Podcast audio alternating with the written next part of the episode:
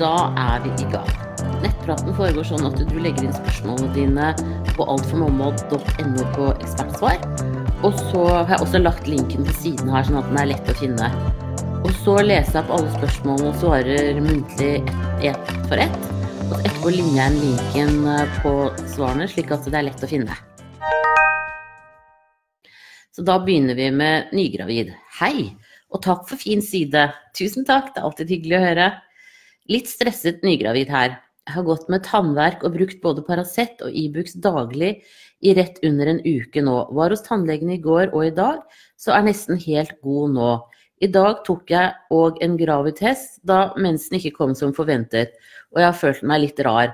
Den var tre pluss positiv, og nå er jeg kjempestresset, for jeg brukte Ibux. Vet du at det ikke skal brukes av gravide? Dette er helt uplanlagt, men både jeg og samboeren min er veldig glade, og jeg veldig redd pga. Ibux-bruk. Tror du jeg har skadet Lille i magen? Med min bruk av smertestillende. Sluttet med alt med det samme jeg fikk positiv test. Kjenner hodet gå på høygir nå, så måtte bare dele bekymringen min. Ja, det, her er det på en måte kan du si flere faktorer, men jeg tenker at du i utgangspunktet ikke behøver å bekymre deg. Eh, grunnen til at man ikke skal ha Ibux i første og tredje trimester, det er at det øker blødningsfaren. Men nå er jo blødningsfaren veldig liten i, i første trimester, sånn at eh, jeg tenker at det skal, det skal, ikke ha så mye å si, det altså. Og siden du har sluttet med det, så halveres det jo veldig fort i kroppen din også, sånn at du minsker den blødningsfaren veldig raskt. Uh, og når det gjelder Paracet, så er det regnet som helt greit å bruke når man er gravid. Uh, men da ikke mer enn Jeg lurer på om det var uh, ti dager, jeg. Så der også ligger du også godt innafor, tenker jeg. Men, men, det er klart at en tannpine er jo forferdelig vondt, så man må jo Noen ganger bare må man ta det. Og så er det jo også sånn at, at du nå blir bedre, så det er veldig bra. Så jeg tenker at du trenger i utgangspunktet ikke å behøve å bekymre deg. Og skulle du være så uheldig å abortere, så har det høyst sannsynlig heller ikke med dette å gjøre. Eh, men det kan jo da hende at du, hvis du skulle abortert noen av de første dagene nå, at du kanskje blør litt mer pga. Ibux-en. Men noen sånn voldsomt stor blødning, det blir det høyst sannsynlig ikke. Og så er det sånn at eh gynekologene sier at hvis først egget sitter, så sitter det. Eh, sånn at eh, jeg tenker at eh, dette her går jo høyst sannsynlig helt fint. Um, og jeg, jeg, tror ikke du behøver å bekymre deg. Da ønsker jeg deg riktig lykke til videre, og tusen takk for at du følger meg her. Ha det bra! Og så er det nattevakten som sier Hei, hvordan er det å jobbe natt når man er gravid? Hører så mye forskjellig fra fastlege og jordmor. Har lest at nattevakter kan øke risikoen for spontanabort med over 30% Er naturligvis svært bekymret over dette. Jeg er ni uker på vei nå. Passer på å sove mye før etter nattevaktene. Drikker heller ikke energidrikk, kaffe og lignende. Hilsen nattevakten. Ja, det stemmer dessverre så at det er sånn at man eh, øker abortfaren når man eh, går nattevakter. Eh, men så er det også stor forskjell på oss, da. Noen elsker å gå nattevakter, og andre kan ikke fordra det. Og det har jo noe på en måte med kroppens evne til å snu døgnet å gjøre. Eh, og de som liker nattevakter godt, de har en kropp som funker godt på natta. Så er du av dem som liker å gå nattevakter, så tror jeg ikke du behøver å bekymre deg i det hele tatt. Men er du av dem som på en måte blir veldig påvirket av å gå nattevakter, så kan det hende at man skal gjøre noe med det. Eh, og da skal alle offentlige arbeidsgivere være tilknyttet en bedriftshelsetjeneste som har eh, jordmor på arbeidsplassen som kan hjelpe deg å tilrettelegge på jobben. Eh, alternativt så kan også den jordmora du, og for så vidt også legen, fastlegen som du går til, hjelpe deg med å tilrettelegge. Det man kan gjøre da, er at, eller det som er vanlig å gjøre, er at man har et trekantmøte med din arbeidsgiver, din sjef, og så ser man på hva er mulig å tilrettelegge. Kan du gå mer dagvakter isteden, eller seinvakter, eh, for å ta igjen de nattevaktene? Altså kan man flytte deg. Eller kan du jobbe andre steder i kommunen eller hos den arbeidsgiveren. Eh, Hvis det ikke er mulig, så kan man søke om svangerskapspenger, og det kan både fastlege og jordmor gjøre. Så jeg hadde starta med å hørt om det finnes en jordmor på arbeidsplassen som er tilknyttet bedriftshelsetjenesten i første omgang. Fordi at eh, den jordmora er en mer nøytral part eh, i forhold til arbeidsgiver også. Så, så jeg tenker at det, det, det ville jeg nok gjort. Fått sjekka mulighetene for eh, om du kan overflyttes hvis du ikke liker nattevakter, eller om du eventuelt kan settes på svangerskapspenger dersom det ikke er mulig å flytte deg til noe annet sted. Du må tenke på at dette er for en veldig kort periode i livet ditt, eh, og arbeidsgiver får igjen penger for deg fra dag én eh, når du er borte. Eh, og svangerskapspenger kan være enten graderte, eller det kan være 100% og når, de når det blir søkt om, så gjelder det frem til termin. Da ønsker jeg deg en riktig lykke til, riktig lykke til videre, og tusen takk for at du følger med her. Ha det bra. Det ligger forresten en artikkel om det også inne på Alt for mamma. Og så er det spørsmål som sier Hei, Siri har to spørsmål til deg. Jeg er 24 uker på vei og har plutselig fått seks sprengte blodkar på høyre legg. Jeg har aldri hatt dette før, og venstre legg ser normal ut. Jeg tror dette må ha med graviditeten å gjøre ettersom jeg aldri har hatt dette før, og alle seks kom plutselig for ca. en måned siden. Vet du om det er normalt å få sprengte blodkar på leggen når man er gravid, og eventuelt hva det kommer av? Ser ikke så fint ut akkurat. Lurer også på én ting til, litt flaut, men likevel. De siste dagene når jeg våkner på morgenen, så har trusa vært litt våt, ikke veldig, men litt. Etter jeg går på do og skifter truse, så blir den litt våt igjen. Men resten av dagen går det bedre. Tenkte at det kan være urin, men ble bekymret for om det kan være fostervann. Men da ville det kanskje rent hele dagen. Er det i så fall normalt å lekke litt urin på natten morgenen når man er gravid? Tusen takk for svar, og for en super side. Ha en fin dag. Ja, tusen takk for at du bruker siden. Det er kjempehyggelig. Eh, jo, de seks sprengte blodkarene på høyre legg, det kan være eh, litt sånn åreknuterelatert, og det er man mer utsatt for å få når man er gravid. Eh, som regel så gir det seg litt eh, når man har født, men sprengte blodkar har jo en tendens til å, å, å, å være der, selv om de kanskje blir svakere. Det har med at eh, liksom, transporten av blod opp fra ekstremiteten, altså fra føttene og opp, den går litt treigere enn det den gjør ellers i livet. Det er ikke noe farlig, men det kan, ja, som du sier, det ser jo ikke alltid helt pent ut. Eh, sånn at det du kan vurdere, er om du skal eh, bruke støttestrømper på den foten. Eh, det kan du jo ta opp med, med jordmor på neste kontroll. Er du mye hovn i føttene, så kan støttestrømper faktisk være greit å bruke.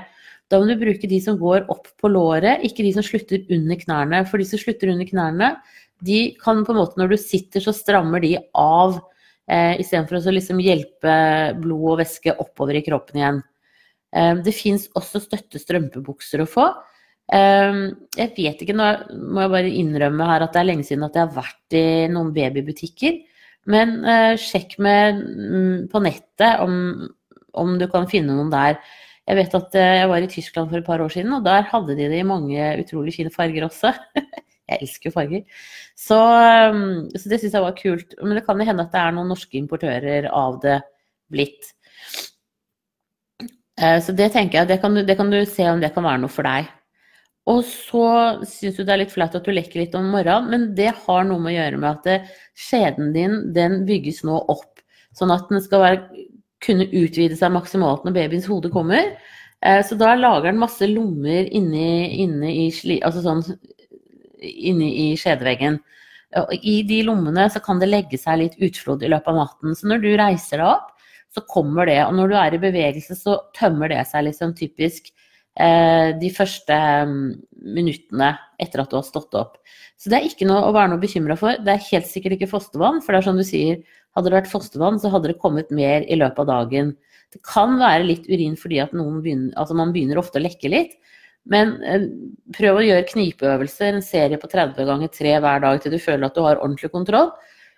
Og så bare fortsetter du med det, kanskje ikke så mye, men, men um, noen serier hver dag. Så se om det også kan hjelpe. Men jeg vil tro at dette her faktisk er utflod Så, og det kan du ikke gjøre noe med, og det skal ut. Så, så det er på en måte eh, Det er helt normalt. Og noen ganger så vil du sikkert også kunne oppleve at når du snur deg i sengen om natten, at det, det kan renne litt da også. Da ønsker jeg deg riktig lykke til videre, og tusen takk for at du følger med her. Ha det bra! Og så er det spørsmålet som sier Hei, jeg er 30 uker og var hos jordmor i går og fikk påvist blod i urinen. Leverte den til legen for dyrkning. Er dette farlig for fosteret? Hva kan det skyldes? Takk for svar. Blod i urinen skyldes som regel at du har en urinveisinfeksjon. og um, det i seg selv er ikke farlig for fosteret, men en urinveisinfeksjon kan gi kraftige kynnere som går over i rier, og som kan gjøre at du føder for tidlig. Så eh, Derfor så er det veldig bra at den er sendt til dyrkning, og at du får svar på om det er bakterier som eh, kan potensielt eh, gi deg rier. Skulle du, det sa de sikkert til deg, men skulle du få veldig mye flere kynnere, og at du kjenner at dette her går over mot rier, at det begynner å presse ned og sånn, så, så, skal du ta kontakt med lege med en gang og få antibiotika. Men hvis du ikke har merka noe til det, og det er det som ofte skjer når man er gravid, man merker ikke at man har en urinveisinfeksjon, så er det ikke noe farlig foreløpig. Det er bare først når du begynner å få rier og sånn, at at det er ille. Så, så lenge det er rolig, så venter du på svaret. Eh, og det, er, det går an å ha bakterier som ikke, er, altså som ikke er skadelige. Og det går også an å ha at man blør fra eh, eh, urinveiene litt fordi at slimhinnene er mye skjørere når man er gravid enn ellers. Så det er for så vidt to grunner til at man kan ha blod i urinen, da. Eh, så det, når man har sånne lettblødelige slimhinner, så er det ikke noe farlig. Det bare kan jo være litt ille. Se litt ille ut, mener jeg. Så jeg tenker at uh, ha is i magen og vent på dyrkningssvaret. Og så ser du selvfølgelig om du skulle få feber eller føle deg uvel, eller at du får mye sterke kynnere, så tar du kontakt med lege med en gang og det gjelder uansett eh, nå i helgen. altså Da ringer du alternativt legevakta. Noen steder så har jo de også tilgang på prøvesvarene. Eh, og hvis det er sendt inn til et uh, offentlig laboratorium, så i hvert fall Fyrst og sånn, de begynner nå å legge ut prøvesvarene på den der Min helseside på nettet, så du kan logge deg på selv og se hva de skriver. Og da skriver de ofte hva slags type bakterier det eventuelt er, og om man trenger behandling eller ikke. Så, men da de fleste, eller i hvert fall jeg, når jeg leverer sånn blodprøvesvar, sånn, så får jeg sånn melding om at nå ligger svarene klar hos, på min helse. Så det går an å følge med der òg. Da ønsker jeg deg riktig lykke til videre, og tusen takk for at du følger meg her. Ha det bra! Og så er det Håpefull som sier Hvor mange dager eh, etter eggløsning er det normalt å teste positivt på en tidlig graviditetstest, 10 HCG? Leser så mye forskjellig på internett, og tester man positivt sent, har det noe å si for risikoen for spontanabort? Nei, det har det ikke. Det er veldig individuelt hvor fort og hvor mye HCG man produserer. Eh, og det kan være helt forskjellig fra graviditet til graviditet. Eh, og det de eh, som lager graviditetstestene sier, det er at en positiv test vil alltid vise at du Altså, da er du gravid. Eh, det er mer det at de negative testene kan være falske på en måte i gåseøynene eh, på det viset at du ikke har begynt å produsere nok kostygen da. Så sånn helt tidlig i en graviditet så vil jeg faktisk stole mer på kroppens signaler enn på, på de testene. Og sånn ja, noen gammeldags tommelfingerregel, fingerregel det er at Går du over mensen, så kan du begynne å teste deg. Det er ikke noe særlig vits i å teste deg før det egentlig. Men i våre tider så skal man jo vite alt så fort, så da er det fort gjort å ta noen tester. Men da, hvis du eh, på Hvis du kjenner, kjennes annerledes ut i kroppen, og du tenker at hm, er jeg gravid, så er nok sjansen til stede for det, selv om testen ikke slår ut. Så her er det bare å krysse fingrene, spise gravide vitaminer, og så ønsker jeg deg riktig lykke til videre. Ha det bra! Så er det Molly som sier Hei, siden hodet var festa og jeg hadde blødning, trodde lege og jordmor at jeg kom til å føde i uke 37. Jeg går snart inn i uke 42. Og på tirsdag tar de vannet hvis det ikke har skjedd noe. For jeg har visst litt moden, men uten åpning. Kan du fortelle hva det betyr? Lurer på to ting. Hva betyr forkalkning på morkake? Legger vesla på seg etter uke 40, estimerte fire allerede i 39. Ja, da har det nok vært noen lange uker for deg. Eh, for det er jo sånn hvis man liksom går og forventer at man skal føde eh, når som helst, så, så blir jo da fem uker en stund. Jeg, det, men der er du. Eh, når de tar vannet, så kommer hodet i enda bedre kontakt med mormunnen, og presset innenfra øker. Så, så, det er på en måte det som skjer da. Og øh, øh, de fleste starter jo da med rier i løpet av 12-24 timer. Så, så, det er en veldig sånn mild måte å, å starte deg på. Da tilfører man ikke kroppen noen ting utenfra. Det er fortsatt liksom på en måte selv, kroppen selv som styrer, da. Noe som eh, er veldig positivt eh, i forhold til igangsetting.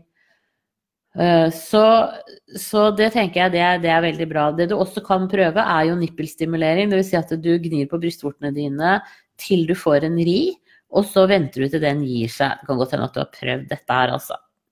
Eh, dette kan du gjøre morgen og kveld, men ikke mer enn én time. Når, da, når, du gnir og får en ri, og så den gir seg, så kan du gni igjen. Men ikke, ikke, mer enn en time, for da kan du på en måte overstimulere deg og, og, få stormrier. Og det er ikke bra for verken deg eller babyen. Eh, men når du gnir på brystvortene, så frigjør du oksytocin, som er det hormonet som gir rier også. Det er derfor det på en måte kan virke, da. Og Da er det lurt å bruke en olje, eh, vanlig matolje funker bra, olivenolje f.eks., eller en eller annen krem uten parfyme, for ellers kan du bli litt sår. Og så lurte du på dette med forkalkningen på morkaken. Det får alle etter uke 40, eh, mange også opp mot uke 40, og det er et tegn på at, eh, du, at morkaka er moden, rett og slett, og at du er klar for fødsel. Så, så det kan ha med så det er helt bra. Er, eh, hvis du har forkalkninger, så er det normalt riktig. Og så er det sånn at eh, vesla ikke legger på seg etter uke 40.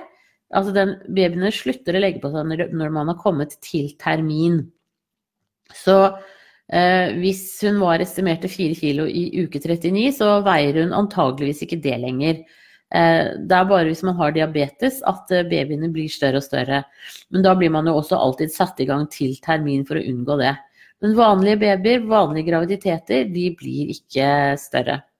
Og så har du selvfølgelig fått beskjed om at dersom babyens eh, bevegelsesmønster endrer seg, enten at det blir veldig mye mer bevegelser eller veldig mye mindre, så, så skal du ringe føden med en gang, for da skal de ta deg inn for en sjekk og se på CTG hvordan babyen din reagerer eh, på spark og, og rier. Så, så, det er eh, en lur ting å gjøre. Du skal ha veldig lav terskel for å ringe dem, altså. Eh, men da ønsker jeg deg riktig, riktig lykke til videre, og så krysser vi fingrene for at du snart starter, da. Da må du ha en god helg. Ha det bra. Og så er det Mia som sier ser at enkelte anbefaler bidronningsgelé og lignende for å øke fertiliteten. Fungerer dette egentlig, eller er det bortkastet penger? Ja, det er vanskelig å si. Uh, men, men, det som er uh, Nå er det lenge siden jeg har lest meg opp på bidronninggelé, så jeg husker jo ikke helt hva den gjør. Uh, men det som er i hvert fall, det er at det er normalt at det går inntil ett år fra man prøver å lage barn til det klaffer. Sånn at hvis du ikke har prøvd i ett år enda, så tenker jeg da er det ikke noe vits i å gjøre noe fra eller til. Uh, men du kan jo Så alle disse her sånn, hva skal man kalle det, kjerringrådene, sånn uh, babyklister og Bisolvon og sånn, man kan jo ikke vite helt sikkert om de virker.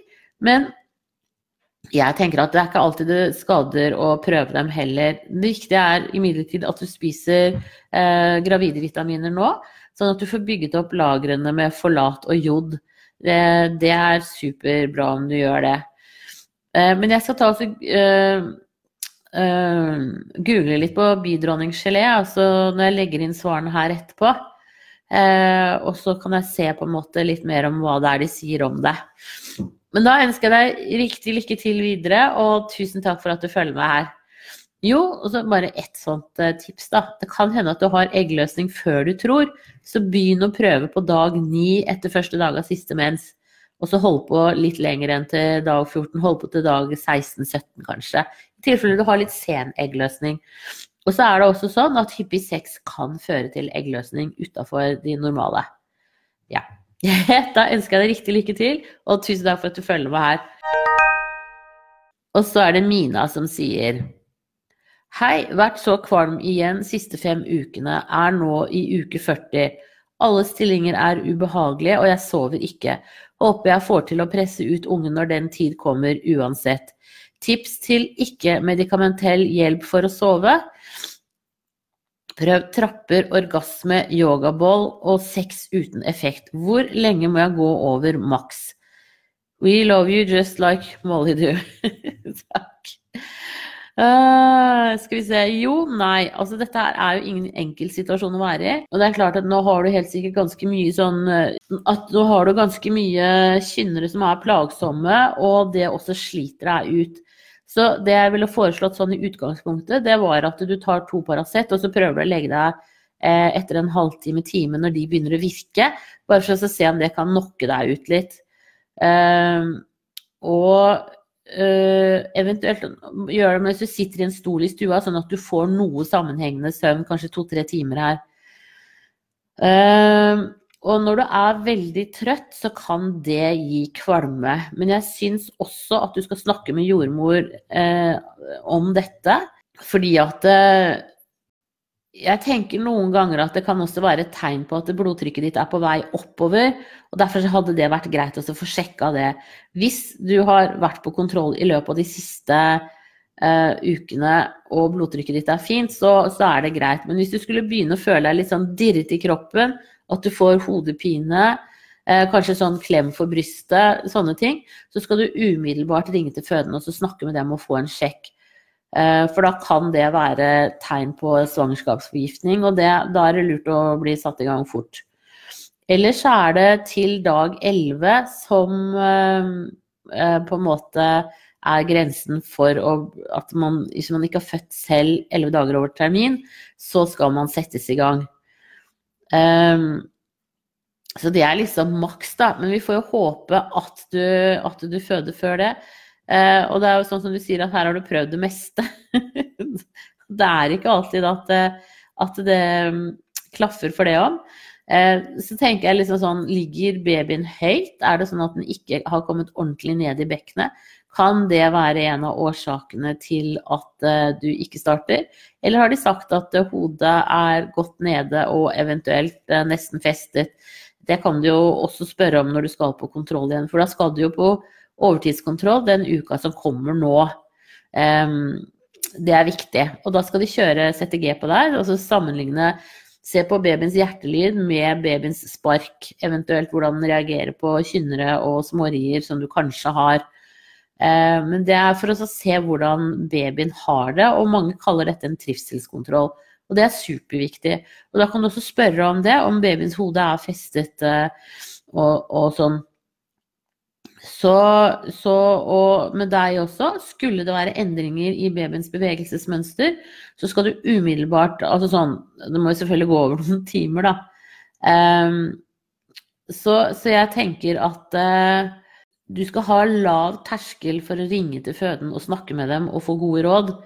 Uh, det er superviktig. Og blir babyen over timer veldig mye mer aktiv eller veldig mye mindre aktiv, så skal du også ringe dem. Um, det er kjempeviktig. Men stort sett så ligger det innafor normalen, og det går helt fint. Men det bare er noen, når man går på overtid, så er det noen fryktelig lange dager eh, for de aller fleste. Dessverre, sånn er det bare. Eh, men vi får krysse fingrene og håpe at eh, du klinker til snart. Da må du ha en riktig, riktig god helg, og prøv å slappe av mest mulig. Eventuelt, sånn som jeg sa til hun forrige, ta, ta to Paracet før du legger deg, for å knocke ut eh, kroppen litt, sånn at du kan få sovet noe. Da må du ha en strålende helg. Ha det bra! Og så Du gleder meg oss. 1. Trodde Rine var i gang, er i uke 41 og hadde 40-60 minutter mellom sterke smerter og knallhard mage tre døgn nå. Plutselig har det avtatt helt. Kan rier stoppe opp? 2. Er det egoistisk av meg å unngå tante sin begravelse i morgen når min termin var for fem dager siden? Redd det skal utløse noe. Uh, ja uh, Skal vi se For det første så Den begravelsen er kanskje i dag, kanskje du la inn spørsmålet i går. Jeg tenker at begravelser, hvis ikke du har lyst til å gå i den begravelsen, så bruk nå maven for alt det den er verdt, og si at det passer dårlig at du er ganske plaga med kynnere. Uh, og at du ikke helt orker det. Og det tenker jeg at det har de helt sikkert forståelse for, altså. sånn er det bare. Eh, men det at du trodde at Rine var i gang, eh, det Noen ganger så tar det, liksom, tar det seg en pause et døgns tid, og så tar det seg opp igjen, og så føder man. For her, her har du jo vært eh, ganske eh, godt i gang, tenker jeg. Eh, så jeg tenker at hvis det, når det tar seg opp igjen, og det ikke på en måte eh, skjer noe, så syns jeg at du skal kontakte fødende og så snakke med dem. Og så eventuelt eh, komme inn og få gjort en CTG bare for å sjekke hvordan babyen har det. Eh, for da har du jo på en måte hatt eh, Har du jo hatt nesten Altså du, med 40 og 60 minutter imellom og sterke smerter, så, så tenker jeg at da hadde det jo vært interessant å se hvordan den babyen har det. Eh, og så tenker jeg at det kan jo hende at denne begravelsen også på en måte altså det, er noe, det er noen sånne mentale faktorer her noen ganger. Og begravelser er jo sånt som spiller sterkt inn. Så eh, definitivt la være å gå i begravelsen hvis du ikke har lyst til å gå der. Men se om ikke riene da tar seg opp i dag. Og da tenker jeg at du skal ringe til føden eh, og så snakke med dem når eh, de tar seg opp igjen. Og så er det superviktig at du følger med på babyens bevegelser. Har du hatt mye sterke rier, sånn som du beskriver, så er det klart at eh, da kan jo babyen også bli litt sliten, sånn som du helt sikkert er. Men når du får samlet deg og sovet litt og kommet deg igjen, så tenker jeg at eh, når du begynner på igjen da, så, så, ringer du og så snakker du med dem på føden. Skulle det bli veldig mye mer eller veldig mye mindre bevegelser, så ringer du også til føden og snakker med dem for å få en sjekk. Eh, det er eh, er superviktig, og det er derfor føden er der. Så det syns jeg at er riktig. Men da ønsker jeg deg riktig lykke til videre, og tusen takk for at du følger med her. Og så håper jeg at du snart føder. Ha det bra! Og så er det Sima som sier Hva er ditt beste tips for en god første fødsel? Ja, eh, det syns jeg du skal snakke med jordmor om også. Altså, du snakker med jordmora di om din, du, hva du tenker om din fødsel. Men det som jeg tenker er på en måte det aller, aller viktigste, det er å prøve å, å tenke at dette er, en, dette er, en, normal hendelse. De smertene du har, er normale, og det er fordi at det er trangt. Det er trangt for hodet. Det, hodet gnisser seg liksom ned langs med bekkenet. Eh, og det er en smerte som ikke er farlig. Så det kan du gjenta for hjernen din. At dette er ikke en smerte som betyr fare, men dette er en smerte fordi det er trangt. Og det kan du gjenta for deg selv mange ganger i løpet av fødselen. Og det er noe av det toppidrettsutøvere gjør også. De snakker med seg selv hele tiden mens de holder på, for de også presser seg jo til det ytterste. Eh, og det kan man jo si at en fødsel også gjør med deg. Du blir pressa til det ytterste av det du har å gi. Eh, men de aller, aller fleste av oss greier det, selv om det er det er mye mens det står på. Eh, og det er også sånn at du på en måte godt kan gå inn i kroppen din og på en måte gi blaffen i de rundt deg. Eh, dette er på en måte en jobb du gjør. Men der er vi veldig forskjellige. Noen, noen trenger å kommunisere utad eh, mens man holder på å ha rier og føde. Mens andre er mer introverte og, og vil være inni seg selv. Eh, det som du skal huske, er at det er en stor hjelp å ha med kjæresten, selv om kjæresten kanskje ikke opplever det som, eh, som det. Men det å ha med seg en person som man er trygg på, eh, og som kjenner en godt, det er absolutt veldig, veldig bra. Så det er tips nummer to. Eh, tips nummer tre det er at det, hvis du lurer på noe, så spør. Spør og grav heller enn at du blir redd og engstelig. Eh, og det er ingen spørsmål som er for dumme til å stilles. Eh, det, det, er helt klart. Og hvis det er ting du definitivt liksom, tenker at liksom, dette vil jeg ikke at eh, noen skal gjøre med meg, eh, så sier du fra sånn at eh, kjæresten din kan også være på en måte med på å, å støtte deg i de situasjonene. Og hvis jordmor sier at hun må gjøre sånn eller slik, eller han, så, og du syns det er en dum ting, så må du spørre om hvorfor, og så må du få et godt svar. Og det er din kropp, og det er din fødsel. Eh, og så må du også være åpen for at ting endrer seg underveis. Eh, selv så tenkte jeg liksom at jeg skulle føde i badekar, men det var ikke riktig. Jeg fikk helt klaus oppi det badekaret og måtte ut av det. Sånn at ja, man har ofte sånne ideer om hvordan en fødsel skal være, da. Og så blir det ikke sånn. Men det er ikke noe nederlag. Det er bare at da har du jo prøvd ut, og så har du kjent på det. Og så fant du ut at nei, vet du hva, dette, sånn var det ikke allikevel. Og når man aldri har født før, så vet man jo ikke hva man går til, og derfor så må ting prøves ut litt. Så vær åpen for jordmors forslag om forskjellige stillinger eh, i åpningstiden, og også forskjellige fødestillinger. Og kanskje det er noe for deg å føde i badekar, hvis de har badekar der de skal, du skal føde. Men det vil også vise seg. Det er lov å prøve. Og så kan man gå ut av karet hvis man ikke føler for det, eller man kan gå inn og ut. Eh, så her er det mange muligheter. Så still med et åpent sinn. Det tror jeg er noe av det viktigste du gjør. Og så er det også sånn at når du kommer til nesten 10 cm åpning, så da er man på et punkt hvor man på en måte gir opp veldig mange og sier at nå vil jeg hjem. Eh, men i den overgivelsen, da, på en måte du overgir deg til fødselen, så åpner man seg som regel også helt, og da kan man begynne å trykke. Og når du kan trykke, så er det faktisk en helt annen opplevelse. Eh, for da er du på en måte med på å, å trykke smerten bort. Den er ikke Eller sånn som jeg opplevde det, jeg syns åpningsrinen kanskje var en mer sånn passiv sak. Du måtte bare la det skje. Mens med, når du kommer over i trykkefasen, så er du liksom aktiv selv. Um, og noen ganger så kan man også faktisk kjenne at babyen sklir nedover inni bekkenet. Det er ikke så ofte det, men det går an. Still med et åpent sinn, og så må du huske på at du får verdens beste premie. Du får en helt fantastisk baby. Så jeg ønsker deg riktig, riktig lykke til videre, og håper du får en maks fødselsopplevelse. Ha det bra! Og så er det Keton-Kari. Har slått ut alt fra 1 til 4 på ketoner ved hver kontroll. Hva betyr egentlig dette, også proteiner? Hvorfor forklarer de aldri det, det de skriftlig gjør? Ja, det kan du si. Nå, nå, er jeg plutselig helt blank på ketoner, jeg. Er ikke det sånn, der, sånn at hvis man spiser for lite mat, så får man ikke Nei, ja.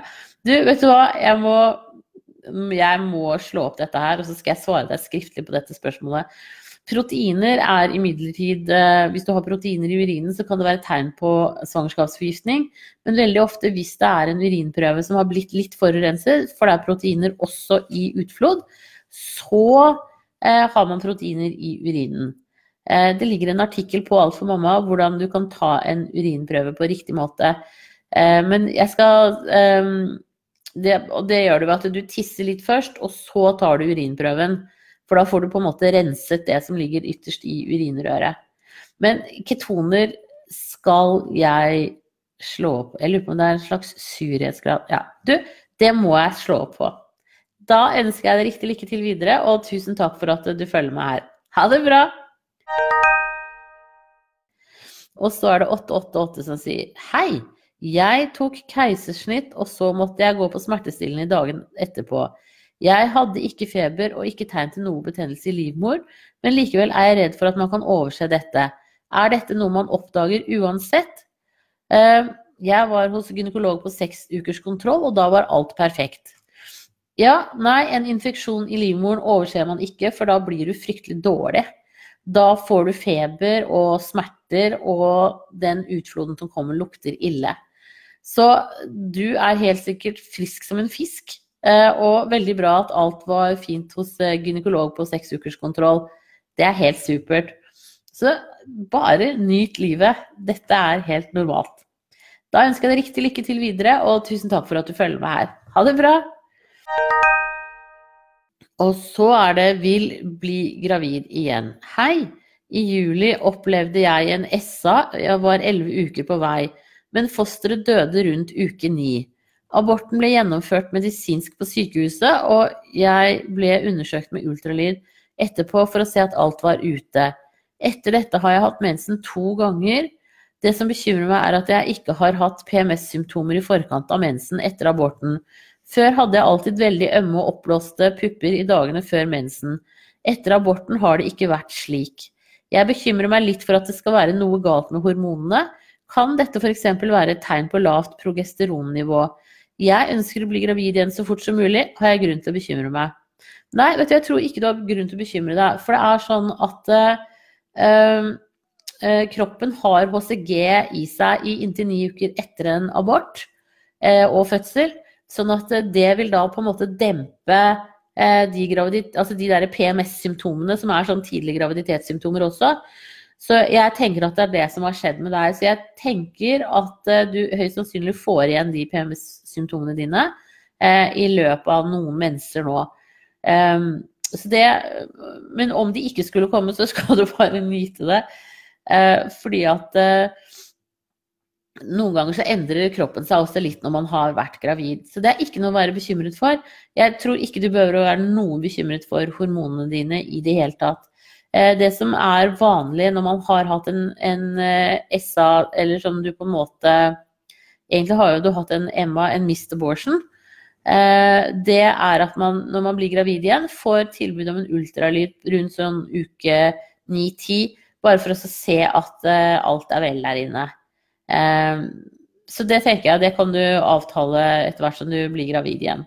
Men spis i vei med gravide vitaminer, og så krysser vi fingrene for at du snart blir gravid igjen. Men husk at det kan gå inntil ett år, det er helt normalt, før man blir gravid igjen. Da ønsker jeg deg riktig lykke til videre, og tusen takk for at du følger meg her. Ha det bra! Da skal jeg svare på spørsmålet om renselse. Hei, jeg fikk en nydelig datter for ni dager siden, mammas lille skatt. Etter fødsel hadde jeg mye etterier som varte til ca. dag fem. Jeg blør fremdeles friskt blod og må bruke store bind. Jeg lurer på hvor lenge det er vanlig med friskt og mye blod i forbindelse med renselse. Trodde det skulle gå over til brunlig utflod etter hvert. Jeg hadde visst litt unormalt mye blødning like etter fødsel, så ble fulgt med på sykehuset at livmoren trakk seg godt nok sammen, noe den visstnok gjorde. Ja, jeg syns at du skal ta kontakt med den uh, jordmora som du uh, gikk til kontroll hos og høre om ikke du kan få en sjekk eh, der. Hvis ikke hun kan komme hjem til deg eller du til henne i dag, så syns jeg at da kan du ta oss og ringe eh, barsel eh, hvor du var innlagt, og så høre om du enten kan komme dit eller på barselpoliklinikken. Fordi at øh, jeg tenker at hvis du fortsatt blør ganske mye, så er det greit å sjekke det, altså. For du blir jo på en måte også tappa litt da for jernlagre og sånne ting. Og det er klart at Blødde du en del etter livmor, så Nei, livmor etter fødselen. Så ligger du kanskje litt sånn lavt i jern, og dermed også litt lavt i koagulasjonsfaktor. Så jeg tenker at uh, få en sjekk på det i dag. Uh, grunnen til at jeg ikke sier fastlege, er vel fordi at de ofte ikke De ser ikke så mange som nettopp har født. Uh, så jeg tenker jordmora du gikk til på kontroll i graviditeten. Alternativt at du bare rett og slett ringer etter barsel og, og får avtalt en kontroll der eller på barselpoliklinikken. Men jeg syns du skal bli sett på i dag. Jeg tenker at, eh, at det er en eh, fordel, altså. Så flott at du er på og, og øh, følger med. Da ønsker jeg deg riktig lykke til videre, og tusen takk for at du følger med her. Ha det bra! Og så er det lekkasje og blodtrykk. Hei, Siri.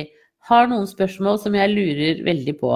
Er i dag 39 pluss 4 og har hatt et lett svangerskap frem til uke 38 ca. Så begynte det å komme litt problemer. Beklager at dette blir langt. 1. Siden kontroll i uke 36 fikk jeg utslag på høyt blodtrykk. Ble tatt tre prøver etterpå som ble skrevet opp i helsekortet, Men når min venninne som er sykepleier hørte om målingene, syntes ikke hun det var høyt. Hun ville jo ikke si noe siden hun ikke har noe med svangerskap å gjøre, men målingene har i uke 36 vært 138 på 89, 129 på 88, 125 på 91. I uke 38 pluss 1 var målingen 137 på 84, 135 på 90 og 133 på 87. Hadde ekstra kontroll i går og hadde da 129 på 83. Er dette egentlig høyt blodtrykk? Alle andre prøver og symptomer har vært tomme. Kan det være noen skade mot mini med tanke på blodtrykk? Nei. Eh, nå svarer jeg på blodtrykket, nå svarer på ett ett her. jeg. det høres veldig Altså, det siste der var jo veldig fint. Men det er klart at eh, du ligger akkurat og svinger. Det er liksom 90 i undertrykk som er den magiske grensen. Men også litt avhengig av hva slags trykk du hadde før du, det begynte å høyne. Så jeg tenker at det du skal være obs på, er jo tegn på svangerskapsforgiftning i kroppen din. Eh, og det vil si om du får hodepine, om du føler deg litt sånn dirrete i kroppen, klem for brystet, at du føler deg uvel, flimringer for øynene. Sånne ting skal du være veldig obs på. Får du det, så skal du ringe til føde med en gang. Og ellers så skal de også fortsette å følge deg opp med det blodtrykket. Men så lenge du ikke har noen andre symptomer, så er det veldig bra. Så tenker jeg at dette her eh, Jeg ville ikke vært så veldig stressa på det. Eh, dette ligger innafor normalen. Og så spørsmål nummer to. Jeg leker også litt gjennom dagen siden uke 37 ca.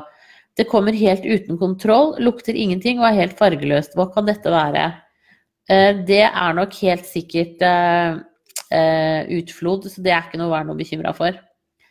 Tre, jeg har begynt å klø vanvittig om nettene på hendene og føttene, noe som gjør at jeg ikke får sove. Har du noen tips? Ja, det er leveren som har tikket inn her. Så det skal du også snakke med jordmor om. Jeg syns du skal få hvis ikke du føder i løpet av helga nå, så egentlig så burde du få tatt en leverfunksjonsprøve nå i dag. Jeg syns du skal ta oss og ringe til eh, jordmor eller fastlege. Hvis ingen kan ta deg inn og gjøre det, så ringer du og så snakker du med fødende og så forteller du det at du klør så veldig. For det er et tegn på at eh, leveren din eh, jobber litt hardt. Og det gjør den når man er gravid. Men når man begynner å klø sånn, så er det noe som heter svangerskapskløe. Og skulle du få noe sånn magesmerter og litt høyt oppe og sånn, eh, så kan det også være et symptom på det. Så egentlig eh, så tenker jeg at eh, kanskje du skulle få sjekka det i dag, rett og slett. Så ring jordmor, fastlege, alternativt føde eller fødepol. Og så spørsmål nummer fire. Har du tips? Jeg blir sprø av denne hosten og nesen som er tett og fæl vil være opplagt til en fødsel som kan komme når som helst. Ja, nesedråper kan du trygt ta selv om du er gravid. Og så kan du også ta en del hostestillende eh, hostesaft. Så prøv det. Og så drikk også varmt vann med fersk ingefær, sitron og honning oppi. Eh, det kan også være med på å løse opp og lindre. Så eh, Og så spis C-vitaminer. Eh, det er veldig lurt. Du kan ta inntil fire gram Altså ja, ta inntil Du vet sånne brusetabletter? Du kan drikke fire sånne i løpet av dagen, fordelt utover hele dagen. Eh, det kan være kjekt å gjøre da også. Eh, men jeg syns egentlig at du skulle bli sett på av noen i dag. Og, og hvis du er hos en lege, så kan du jo få dem til å lytte på deg med det samme på lungene, bare for å høre hvordan, hvordan det høres ut. Eh, hvis du har hostet veldig lenge, så kan det være greit å sjekke. Men eh, ellers så tenker jeg at eh, min, det jeg liksom tenker er aller, aller viktigst å få sjekket, er egentlig leverfunksjonsverdiene dine. Eh, for å se hvordan det er med den. Og der Når jeg liksom tenker meg om, så er det nok sykehuset som får de raskeste svarene der. Eh, så jeg syns du skal ringe fødepoliklinikken eller føden og så snakke med dem. Og så hjelper de deg videre i dette. Og da må du forklare deg at du har ligget og vippet med litt høyt blodtrykk. Men, men det er den kløen du har nå, som, som, er på en måte det viktige. Eh, sånn som jeg ser det. Eh, og da er det greit å få en sjekk. Da ønsker jeg deg riktig god bedring med forkjølelsen, og lykke til videre. Og så får vi håpe at du føder om ikke så altfor lenge. Ha det riktig bra, og tusen takk for at du følger med her. Ha det bra. Da var det dagens siste spørsmål. Eh, Så dere må ha en riktig, riktig god helg. Eh, Og så kommer jeg tilbake igjen på mandag. Ha det bra.